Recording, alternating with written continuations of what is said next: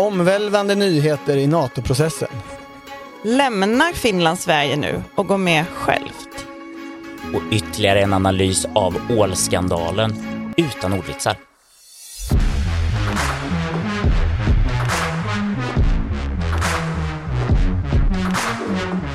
Det här är Politik med Bagge Strömberg och Torbjörn Nilsson och Henrik Torehammar. Mycket gripande. I morse så sa Finlands utrikesminister Haavisto de, de ord som aldrig har fått sägas innan. Han tänkte tanken som de inte har tänkt tidigare.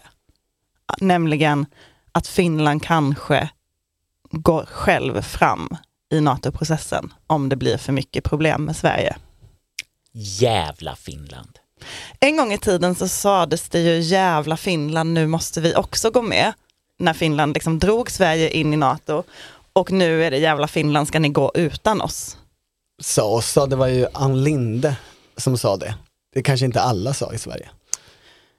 Och vi kommer direkt ifrån ytterligare en nyhetshändelse, nämligen utrikesministerns pressträff där han skulle reda ut vad han menade. Och så vi ska ju säga också att detta kommer ju efter att Erdogan i sin tur sa nej, nu kan inte Sverige räkna med vårat stöd efter, ja, allt som har hänt i denna fantastiska soppa. Ja, framförallt kanske koranbränningen som just nu skapar demonstrationer i flera länder och väldigt mycket upprörda känslor, alltså Paludans koranbränning utanför turkiska ambassaden i helgen. Um, men på sin pressträff nu där Haavisto skulle utveckla det här, för den, den, här saken att Finland eventuellt skulle kunna gå vidare utan Sverige har ju varit toppnyhet i både svenska och finska medier hela morgonen. Och där var han väl, la han väl, får man ändå säga, eh, en större tyngd vid den, det gemensamma, att man vill göra det här tillsammans. Han, var ju, han tog inte tillbaka sitt uttalande, men han var ju eh, lite mildare kanske i sina formuleringar. Och han betonade att han hade pratat med Jens Stoltenberg och att det är viktigt för NATO att Sverige och Finland går med samtidigt. Det är viktigt för NATOs försvarsplanering framåt. Men pushen var ju eh, den gemensamma resan för Sverige och Finland fortsätter. Eh, var det här väl lugnande? Eh, att kanske önsketänkande till och med? För ja, hur ska vi tolka det han gjorde? Nej men det han också sa var ju, det lät ju på honom som att hans stora mål just nu är att, att få till nya trilaterala möten. Det är två möten som har ställts in, dels försvarsministermötet, dels talmansresan. Och det är ju alltså möten där både Sverige och Finland är med, men där det är svenskarna som så att säga är problemet. Är, är inte välkomna. Ja, eh, möten, med, möten i Turkiet har ju detta varit i båda fallen. Eh, och han pratar nu om att ja, men processen kommer försenas. Han, han såg ju liksom mycket mer pessimistiskt på tidsplanen framåt. Så har ju inte svenska politiker uttryckt sig än så länge. De har ju inte liksom de har ju inte faktiskt velat säga att processen försenas eller att nu tyder mycket på att det inte blir någonting före det turkiska valet i maj. Eh, men, men finländarna är lite mer raka kanske. Om man ska försöka värdera storleken på den här förändringen så är den ju liksom, om man bara tittar i närtid så är den ju jättestor. Alltså, Havisto var ju på Folk och Försvar i Sälen. Där intervjuades han av eh, flera medier och sa hela tiden, det är liksom uteslutet att Sverige och Finland inte går med i NATO samtidigt. Han pekade ju då och det nämnde han också idag, men då pekade han ju mycket tydligare på, alltså det är liksom militärgeografiskt komplicerade i att eh, Finland skulle gå med före, för det går ändå inte att sätta igång någon ordentlig försvarsplanering i, i NATO utan den här stora eh, landgrejen i mitten, alltså Sverige. Det blir ju helt annorlunda förutsättningar för, för, för allt militärt arbete. Um, från svenska UD har ju budskapen de senaste veckorna när man har pratat bakgrund med människor varit att jo, men, eh, kommunikationskanalerna med Turkiet är öppna. Även när möten har ställts in så pratar vi med varandra, vi har, vi har god kontakt.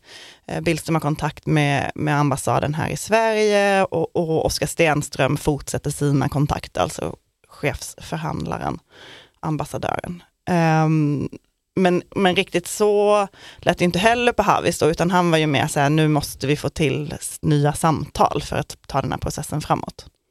För i den svenska debatten, det som har hänt har ju varit nästan lika mangrann uppslutning kring demokratin, kring yttrandefriheten, kring att ja, det kanske är osmakligt med allt från dockor till koranbränningar, men vi måste acceptera detta. Detta ingår. Eh, att vifta med flaggor som vissa ser som symbol för terrorism, det är sånt som ändå ingår i demokratin. Men riktigt så tycks ju inte finländarna resonera. Men de har väl delvis fördelen att de inte behöver eh, förhålla sig till den frågan eller fastna i den frågan eller fördjupa sig i det. Det finns inte så mycket kurder, det finns inte så mycket eh, proffsprovokatörer. Eh, så kan man ju se det. Det han säger, tolkar jag det som i alla fall, är ju att ja, men alldeles oavsett om Sverige kan följa med i Finlands tempo eller inte så kommer Finland hålla ett, ett högt tempo. De har inget emot att gå med eh, tillsammans med Sverige men kommer heller inte vänta in på det sättet man uppfattar att man har gjort hittills i, vid olika tillfällen. De sporrande jag menar, I Finland uppfattar man ju att man väntade in redan vintern, våren, alltså i, i grunden Socialdemokraterna i Sveriges omsvängning i NATO-frågan. Och sen så pratar man ju hela tiden, man lyfter ju hela tiden då den gamla EU-frågan när Sverige gick före Finland mot EU-medlemskap och tycker ju lite att man har eh, det, det finns någon slags, eh, så här, kunde ni så kan ju vi-känsla. Ja, och det, det argumentet tänker jag att det finns debatt får ny kraft nu. För då, här dyker det ändå upp en potentiell svekdebatt i Sverige och då kan man ju i Finland säga att ja men vad var det Ing- Ingvar Carlsson och de andra i, i Sverige gjorde på 90-talet? Jo, ni struntade fullständigt i oss.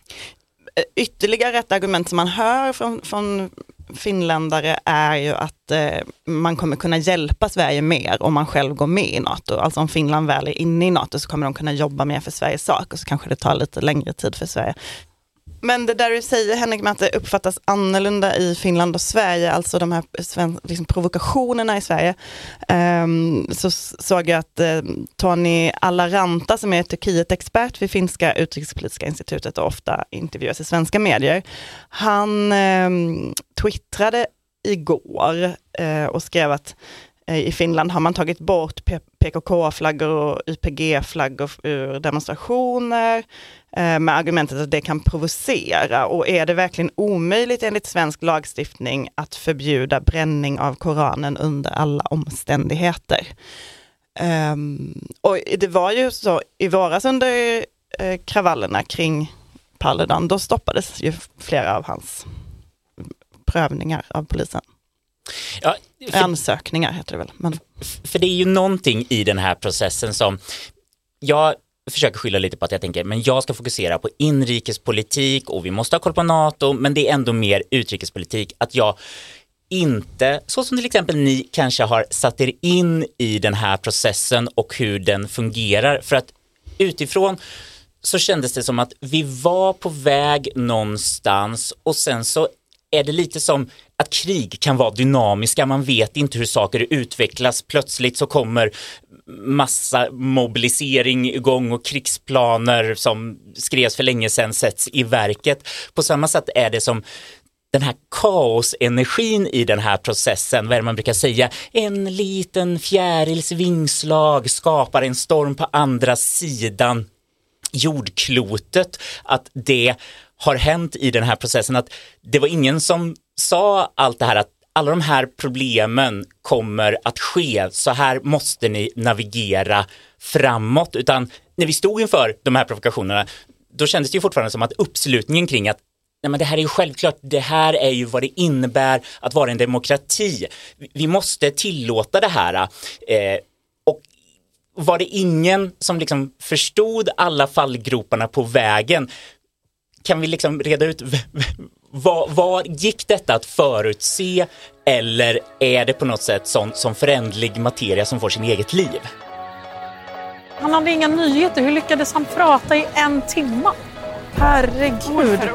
Herregud. When you're ready to pop the question, the last thing you want to do is second guess the ring. At Bluenile.com, you can design a one of a kind ring with the ease and convenience of shopping online. Choose your diamond and setting. When you find the one, you'll get it delivered right to your door. Go to Bluenile.com and use promo code LISTEN to get $50 off your purchase of $500 or more. That's code LISTEN at Bluenile.com for $50 off your purchase. Bluenile.com code LISTEN.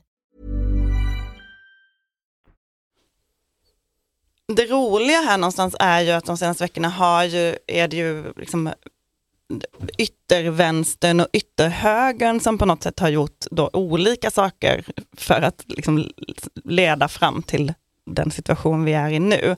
Alltså när jag, när jag pratade med personer som hade intervjuat de här Rojava-kommittéerna som hängde upp dockan, då fick jag beskrivningen av någon att ja, men de, det liksom, en hel del av dem är ju bara vanliga vänsterextremister eller vänsteraktivister, kanske beroende på hur man ser på det, eh, som skulle kunna engagera sig lite för vad som helst.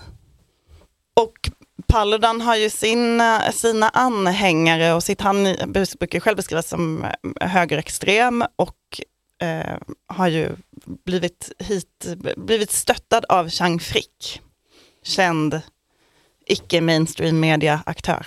Som ja. ibland dyker upp i mainstream media som SVTs eh, lekprogram. Men även i Riks.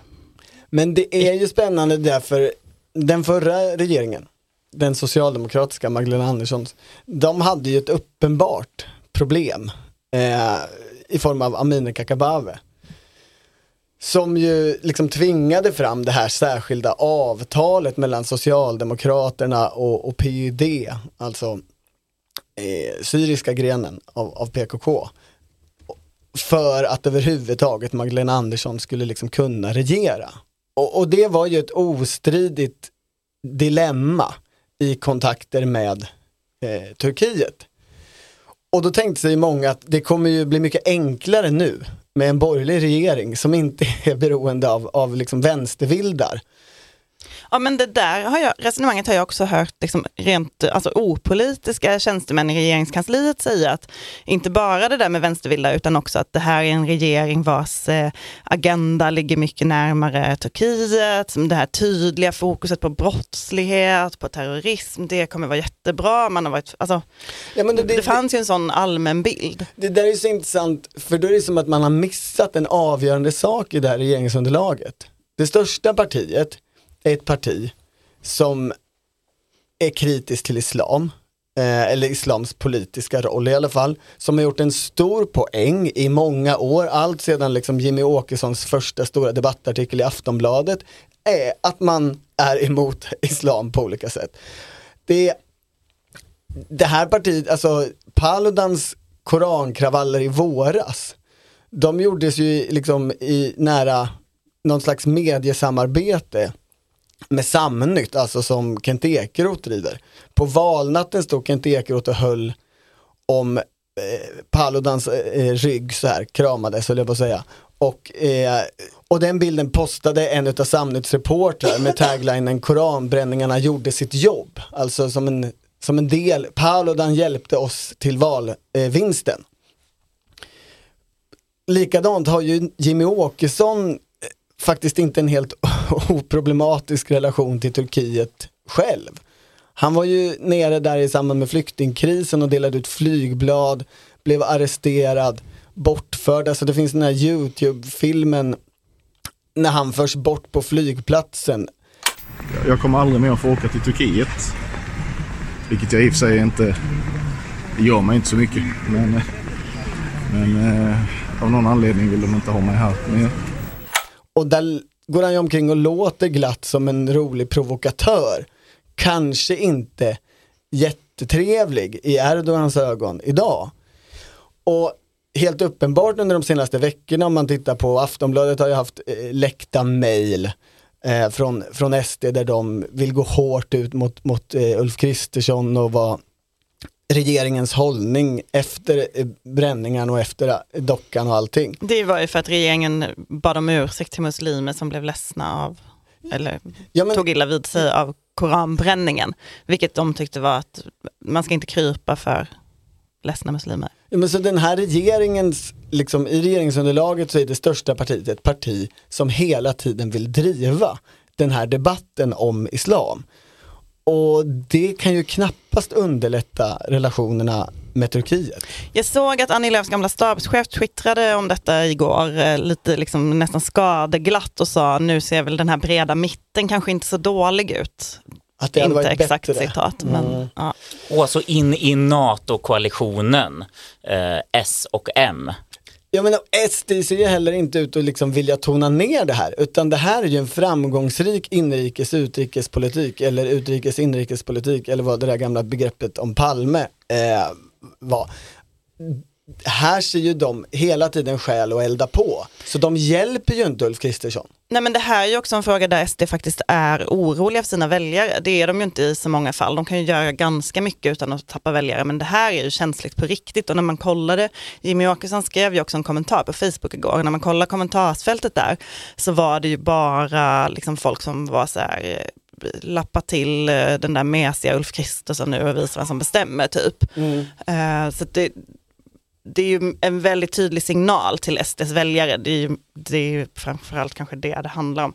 Men samtidigt så ska man ju komma ihåg att liksom, oavsett Amineh Kakabaveh, Jimmy Åkessons Turkietresa och allt annat så handlar ju det här också om det turkiska valet och om inrikespolitik i Turkiet.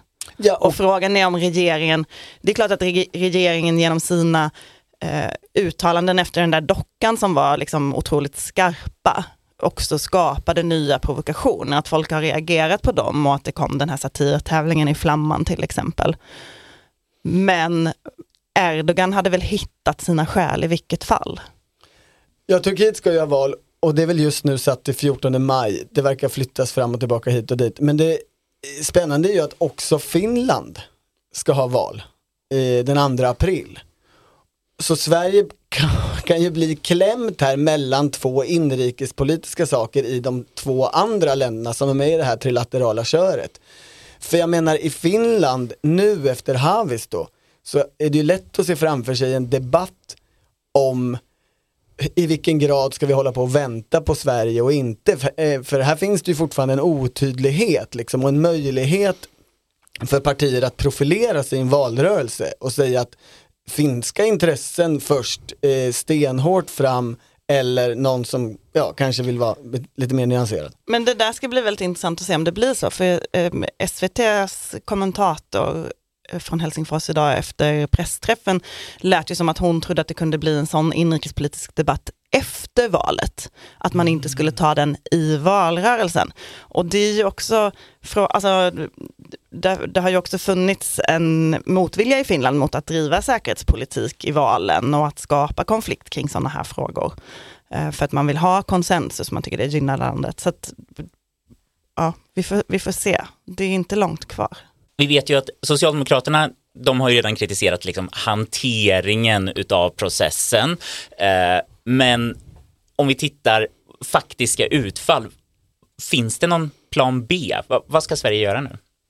Men jag tycker det var intressant att följa eh, försvarstwitter igår kväll och möparnas reaktioner på det här. Ehm, de här höjd beredskapspodden, de, deras profilerna där verkade välja linjen sitt nu still i båten och ta det lugnt. Jag såg att Amanda Wollstad som ju är med där, som också är chefredaktör för Svensk Tidskrift, hon eh, sa ta det lugnt nu, det här är långt ifrån över. Eh, att kunna hantera den här typen av uttalanden är också en del av totalförsvaret. Då syftade hon på Erdogans uttalande igår kväll. Men hon har också liksom velat tona ner hela den här situationen om att Finland skulle gå före och sagt att det i sig är liksom att eh, spinna för långt i en viss riktning som kan skada Sverige. Det är att gå Rysslands ärenden i förlängningen, motståndaren. Fucka våra hjärnor. Även Johan Victorin var inne på håll huvudet kallt nu, ta det lugnt. Medan Lars Wildereng, eh, den kända försvarsbloggaren, Ja. Eh, han, eh, han verkade liksom släppa allt. Han drev förklara hela turkiska ambassadens diplomater persona non grata, stryk allt bistånd till Turkiet, förbjud vapenexport, inga turkiska medborgare får visum eller uppehållstillstånd, ekonomiska sanktioner, stoppa alla banktransaktioner, spärra alla svenska betalkort i Turkiet så turismen upphör helt. En diktator förstår bara hård makt och Sverige ska sluta krypa. Han körde inte sitt still i båten. Nej, verkligen inte. Det, det var ett rejält åtgärdspaket det där. Det, det är ingen chill på vildräng.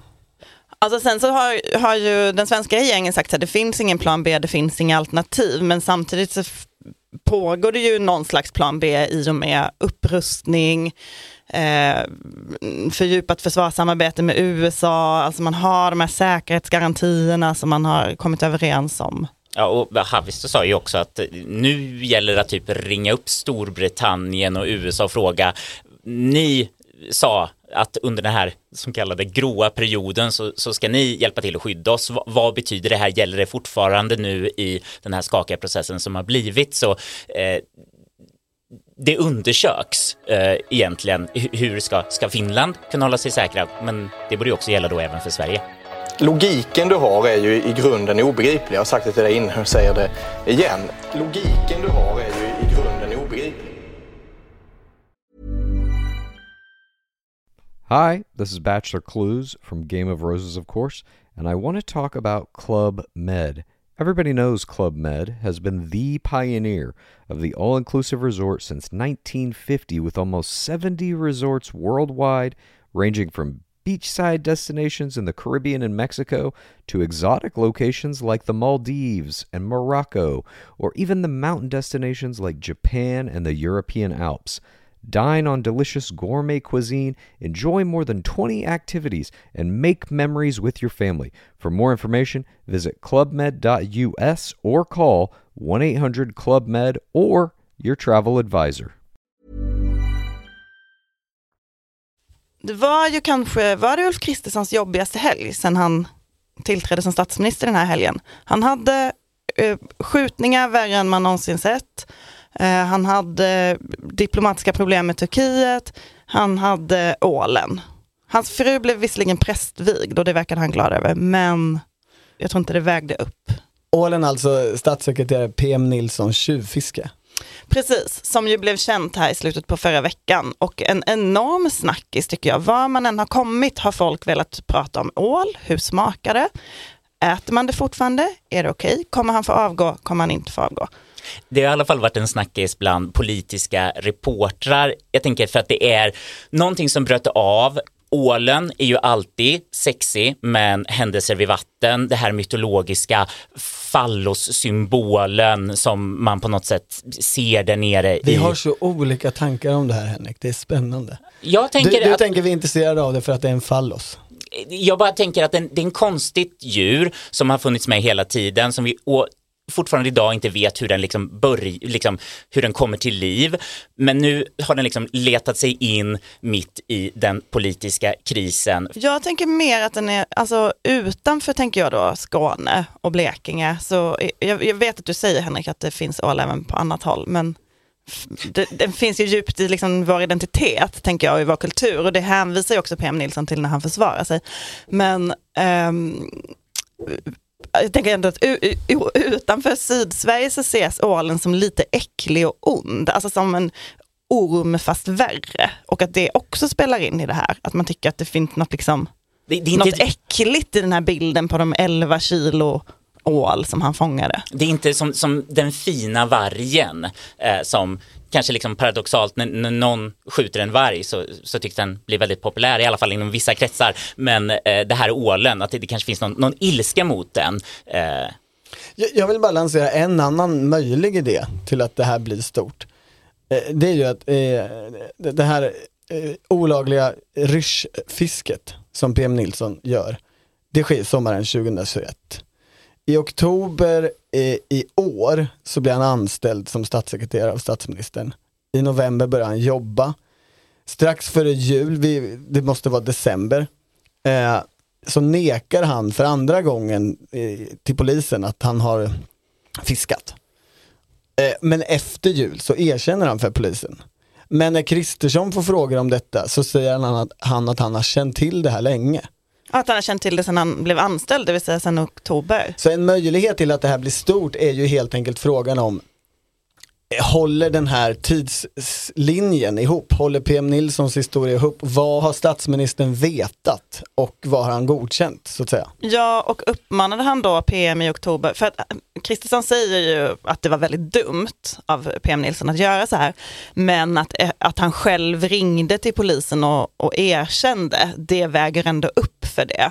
Men det gjorde han ju först flera månader senare, efter att han hade blivit anställd uppmanade Kristersson PM Nilsson att erkänna. Visste han också att PM Nilsson hade ljugit för den här vattenmyndigheten?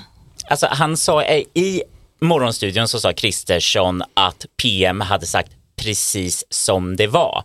Och det här är väl någonting som kanske då Socialdemokraterna och Ardalan Shekarabi vill undersöka nu när de har KU-anmält statsministern.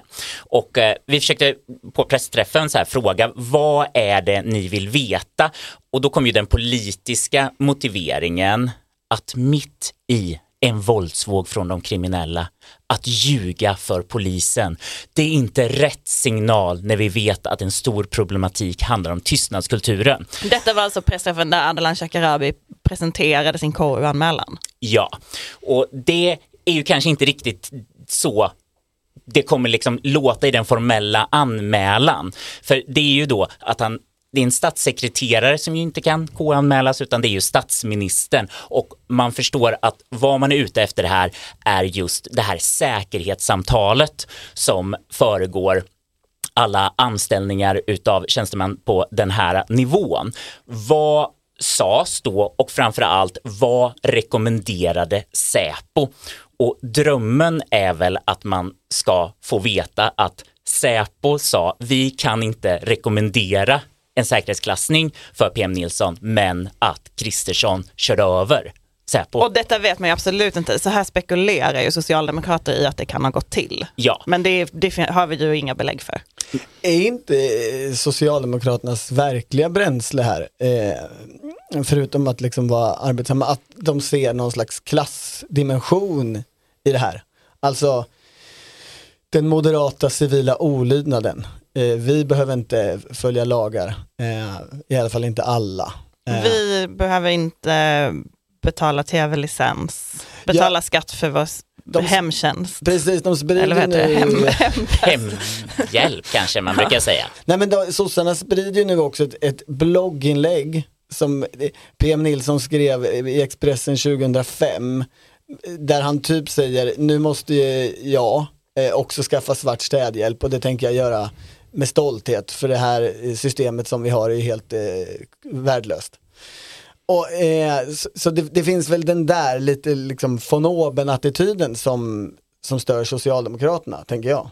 Jag försökte lansera idén att det ja, egentligen handlar om att han är ett snyggo, PM Nilsson. Och nu vet jag, nu ska vi inte prata om utseendet på personer, men om jag mer formulerar om det så här, en golden boy, att han på något sätt är symbolen för den borgerlighet som nu verkligen har sagt vi får samarbeta med SD för att få makten för att kunna lösa de stora problemen. Och att det är liksom ett extra intressant mål att ge sig på en av de här arkitekterna eh, för denna nya politik. Men eh, det där och liksom på något sätt att det skulle också motivera då försvaret, det som vissa säger så här whataboutism eller jämförelser med alla andra som klarat sig undan för någonting mycket värre om det har varit skallningar från potentiellt framtida Centerpartiledare eller eh, statssekreterare som har avgått men återanställts, Emma Lennartsson.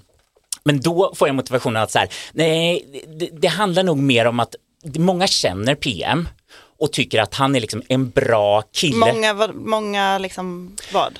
Ledarskribenter, Nej, kommentatorer, det är sånt du pratar om. Opinionsbildare, politiker på den högra sidan som tycker att PM Nilsson är en sån bra kille som inte har erfarenheten från politiken. Så han kanske har liksom levt ett oförsiktigt liv där man ibland har tjuvfiskat ål och egentligen behöver man ha fläckfria människor som kommer in i politiken. Nej, det här är liksom, det var en dum sak som Kristersson resonerar, men det här måste kunna förlåtas. Man har det här lite kristna perspektivet att inte kasta första... Jo, men det är väl just då det kommer in så här, vem blir förlåten för sina synder och vem blir det inte? Vem, liksom, där finns det ju uppenbarligen en, se- läser ju många in en skillnad i regeringens attityd gentemot vissa brott och andra brott. Ja, de, dels har det ju vid, vid olika tillfällen varit personer som har gjort sig skyldiga till ungefär samma sak och där den ena fått avgå men inte den andra. Och sen verkar det ju finnas en förändring lite över tid eh, i vad som faktiskt leder till, till avgång. Jo men det inte. finns ju en känsla i, det såg man ju på högerreaktioner när Kristersson försvarade PM Nilsson, att eh, ja men gud vad skönt att ni äntligen har lärt er av Socialdemokraterna att ni inte ska avgå. Reinfeldt gjorde alldeles fel som lät folk avgå. Men, men man ska också komma ihåg att på den tiden, alltså när Reinfeldts olika ministrar och eh, statssekreterare avgick, så var det ju också världens krypskytte internt och det var ju olika moderater som var ute. Jag tror att Ulf Adelsohn var ute i något fall och sa så här, självklart ska den avgå. Så det kanske inte bara handlar om statsministern utan också om hur liksom, tykonomeriet har slutit upp. Och det har det ju verkligen gjort runt PM Nilsson får man säga. Från den högra sidan. Ja. För jag lanserar en annan eh, tanke. Jag sprang nämligen på Patrik Lundberg ute på krogen i helgen, alltså ni vet Dagens Nyheters eh, reporter. Han är ju från Blekinge. Han sa att eh, det här är så typiskt de som kommer från Finblekinge, som är då där PM har fiskat. Alltså den, eh, det är Karlskronas ytterskärgård det här. ja, Det är inte Listerlandet. Exakt, det är inte Listerlandet där Patrik Lundberg kommer ifrån. Han är ju från Sölvesborg, han är ju uppvuxen ihop med Jimmy Åkesson. De har ju, känner ju varandra sedan ungdomen. Och eh, han har en lång utläggning om att eh, den här känslan av entitlement och givetvis ska jag få fiska ål även om det inte är lagligt, att det är typiskt för personer från den delen av det fina Blekinge. Och då undrar man ju, hur känner Jimmy Åkesson inför det här? Är detta ytterligare en spricka? Han har varit tyst i ålfrågan hittills. Men det är inte säkert att han kommer fortsätta. Alltså för en av de mest spännande sakerna tycker jag i det här är ju själva sakfrågan. Och då menar jag inte... Du vill som miljöpartisterna tillbaka till ålen. För att Ja, och- and, andra har ju kritiserat och sagt det här är ju så dumt, socialdemokrater, att ni tar en K-anmälning på det här när det finns sådana riktiga, viktiga frågor och att miljöpartisterna hela tiden twittrar så här, men ålen, ålen, ålen, att det ändå kanske så här uppfattas som så här, fast är det så himla viktigt? Men du menar att det är någonstans, vi måste tillbaks till Ja men en av samtidens största, alltså jag tror att skälet till att det här blir stort och är intressant är ju att det går rakt in i en av samtidens absolut största konflikter. Den mellan kultur och natur. Eh, Alltså hur ska människan bete sig i, på planeten? Okej PM Greta, berätta. Nej men i sitt Facebook-inlägg där han berättar att det här har hänt, jag har gjort det här, så skriver PM Nilsson där, den här fina meningen. Jag har fiskat ål sedan barnsben och tillhör den sydsvenska fis- ålfiskekulturen. Det är något han tillhör. Tillhör det är liksom fast, det går inte ändra. Eh, människan måste här gå före eh, naturen på något sätt. Alltså jag menar kultur, jag vet inte om ni vet det ordets etymologiska historia. Jag tror vi kommer få veta det nu. Du menar att bruka, alltså det som man lärde sig på alla A-kurser på universitetet Eh, någonsin? Precis, Ja. exakt. Men jag menar, kultur, man kan ju lätt tro att kultur är det som står i kulturbilagor i, i tidningar, alltså teater, tv-recensioner, böcker och sånt. Något för eliten. Kultur är ju att sätta en plog i jorden och att bestämma att så här ska det se ut, att omforma landskap. Befrukta, ta kontroll, Kontroll. plöja. Exakt, Kultivera. kultivera. Eh, eh, utan ekivoka antydningar från min sida, men ni får lägga in vad ni vill. Om själva ålfisket så har ju PM Nilsson som ledarskribent också argumenterat. Han skrev en, en mycket vacker text som hade den närmast poetiska rubriken om junifisket på ål 2014. Ja, Det- jag, vill, jag vill göra det här ljudet som eh, Edvard Blom gjorde när han fick höra om att en kompis hade fått äta ål. Och sen så blev det faktiskt en liten ålebit med... ehm, Ja men här skildrar han de liksom lokala sedvänjorna, fotogen, lampan på båten, saxen, alltså ett ljuster som man ju då fick undantag från när alla, allt annat ljusterfiske förbjöds på 60-talet i Sverige. Så fick Alltså man, förlåt, Juster, du Ja, menar, Det är alltså en, en harpun. det är Ja. något som Triton skulle kunna ha använt. Jag, jag kan säga att, att i Östergötland så följde vi inte ljusterförbudet alltid i min barndom. Alltså, Oj, inga så du kanske inte ska kasta så mycket stenar? Inga vuxna. Utan Jo, men bara, du får bara, väl kasta bara sten. människor Nej. som var, som var inte, inte straffmyndiga. Vilka är det som får kasta sten? Är det de som har gjort fel eller de som inte har gjort fel? De, ja. Berä- återgå Torbjörn. Tack. Jag jag har en känsla av att det här kommer ta ett tag. Den här poetiska texten handlar ju just om människan i samklang med naturen. Alltså att ta av räntan som det brukar uttryckas i liksom lantbrukar och skogsbrukarsammanhang. Bruka, inte missbruka. Exakt. Samtidigt så kan ju PM Nilsson inte komma runt detta att ålen har minskat med uppåt 90%. Men han landar ju i den här texten i den förklaring som också Havs och vattenmyndigheten lutar mot. Att det beror på vattenkraftverken i Sverige. Inte så mycket på fisket. Och så avslutar han, att släppa ålfisket fritt under sommarmånaderna och tillåta två par ryssjor det var väl precis så många han la ut förresten. Två par ryssjor skulle inte påverka ålbeståndet alls, men öka livskvaliteten för de som bor längs kusten.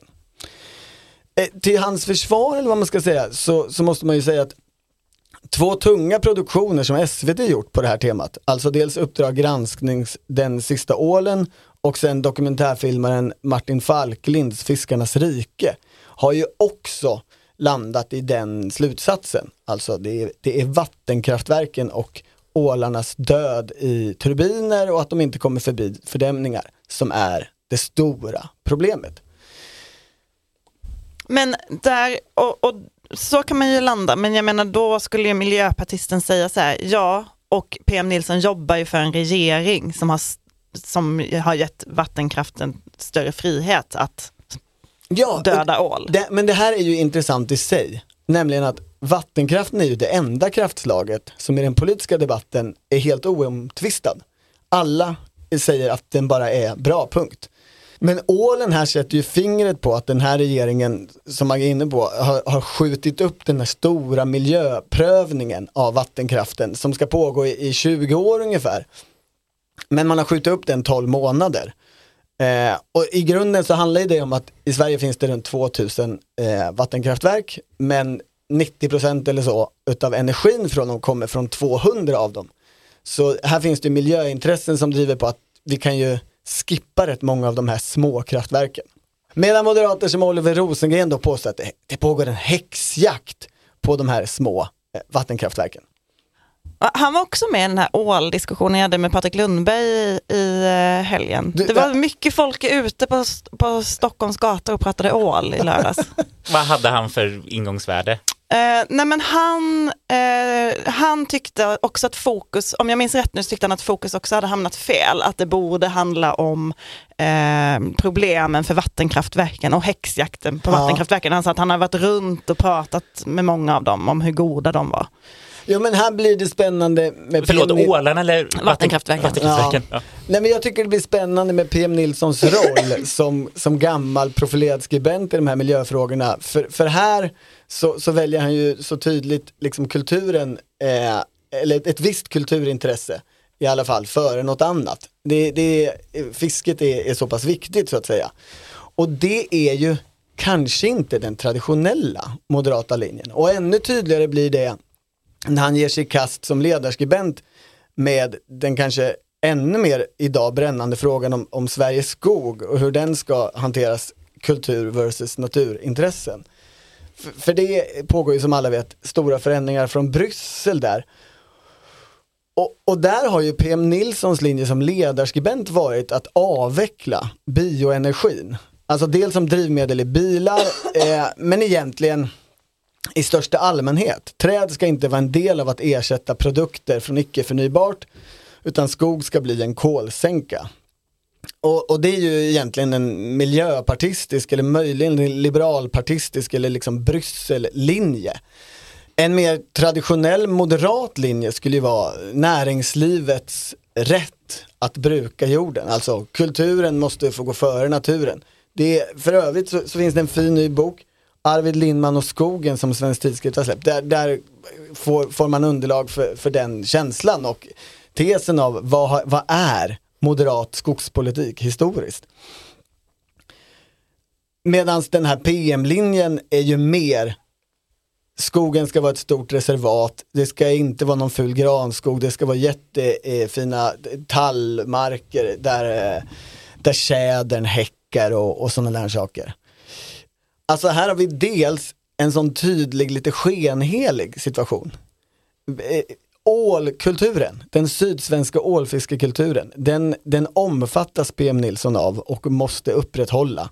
Även om det innebär att han bryter mot lagen. Men all kultur kopplad till barrskog i Sverige, alltså allt som är norr om Olofström eller ja, i alla fall norr om Emmaboda. Det har han inget problem med att liksom frysa ner, eh, förbjuda eller i alla fall se till att det inte kan fortsätta. Utan eh, där måste naturen gå före, så att säga.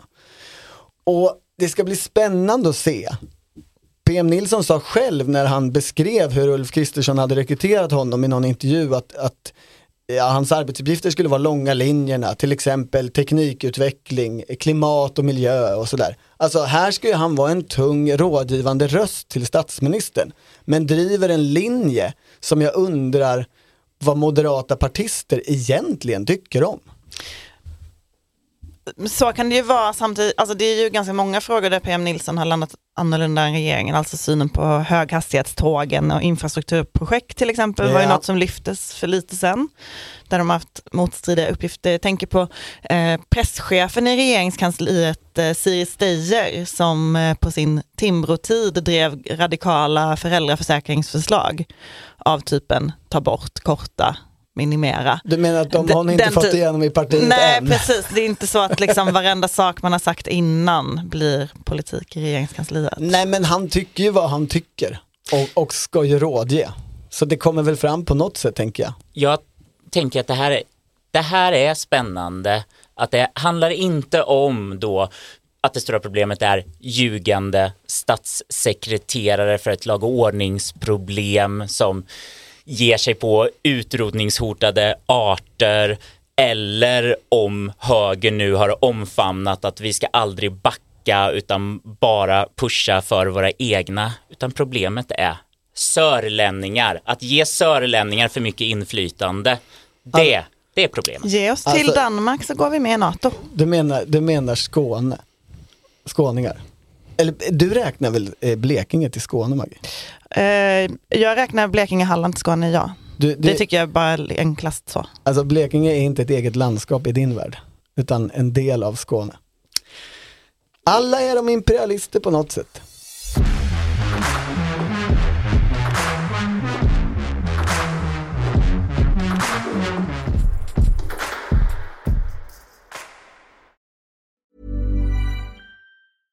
Hi, I'm Dori Shafrir. And I'm Kate Spencer. And we are the hosts of Forever 35. And today we're talking about Club Med, the best all inclusive getaway for families. Today, Club Med has nearly 70 resorts worldwide, from beachside resorts in the Caribbean and Mexico to magical locations in the Maldives and Morocco to ski resorts in the mountains from Canada to the Alps. Between their all inclusive family programming, wellness offerings, land and water sports, and their French heritage inspired food and drink offerings, Club Med is the best way to elevate your family getaway, no matter which location you're at.